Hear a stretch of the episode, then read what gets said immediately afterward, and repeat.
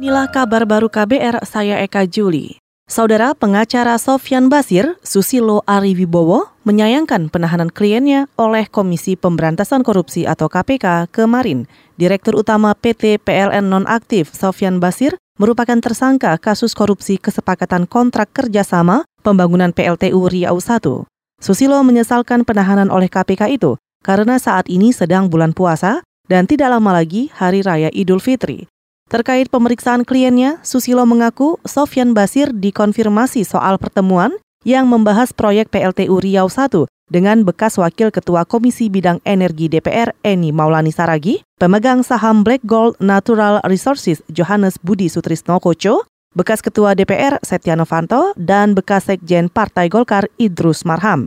KPK resmi menahan Sofyan Basir untuk 20 hari pertama di rumah tahanan cabang KPK di belakang gedung Merah Putih KPK Jakarta. Sofyan Basir menyatakan akan mengikuti proses hukum di KPK.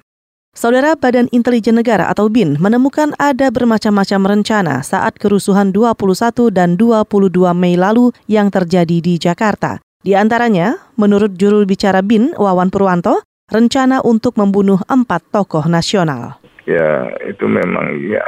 Dan kita, eh, tapi kan belum anu lah, belum terjadi gitu. Masih dalam dalam wacana artinya dalam perencanaan mereka.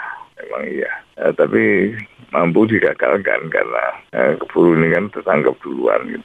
Nah, kalau yang namanya rencana kan uh, tentu bermacam-macam apalagi di dalam situasi rakyat begitu.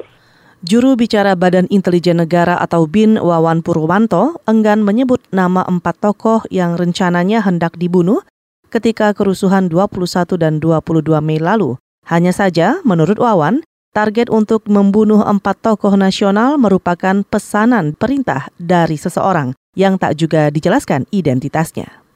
Tim Hukum Badan Pemenangan Nasional atau BPN Prabowo Sandi menyatakan siap membeberkan bukti dugaan kecurangan pemilu yang terstruktur, sistematis, dan masif di persidangan Mahkamah Konstitusi. Anggota tim hukum BPN Denny Indrayana mengatakan pengajuan bukti-bukti itu sesuai Undang-Undang MK yang memperkenankan adanya keterangan tertulis, keterangan ahli, dan keterangan saksi. Saya hanya ingin menarik satu ilustrasi. Kalau memang misalnya ada kecurangan terstruktur, sistematis, dan masif misalnya ya, misalnya begitu, maka saya ingin bilang memang itu tidak, tidak mudah pasti membuktikannya. Namun bahkan misalnya pun, misalnya ya, belum tentu juga uh, terjadi hmm. demikian nanti dalam dalam dalam perkara ini, dan kami yakin kami punya bukti. Tapi misalnya pun tidak ada buktinya misalnya, itu bukan berarti tidak ada kejahatan. Anggota tim hukum Badan Pemenangan Nasional Denny Indrayana juga meminta semua pihak supaya tidak terjebak dengan narasi bahwa dugaan kecurangan pemilu yang terstruktur, sistematis, dan masif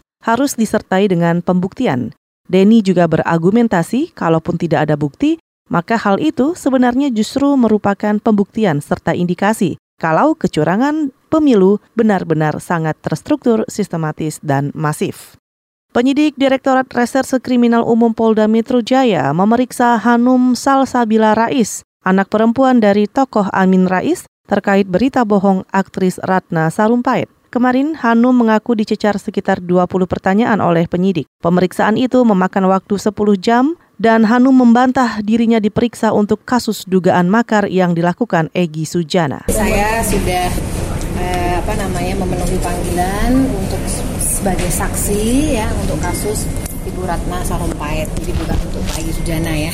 Sebelumnya, Hanum terlihat muncul dalam unggahan video yang menyebut Ratna Sarumpait sebagai tokoh pahlawan Cut Din masa kini. Tapi sesudah hoax Ratna Sarumpait terungkap, Hanum buru-buru menghapus unggahan video tadi. Saudara demikian kabar baru, saya Eka Juli.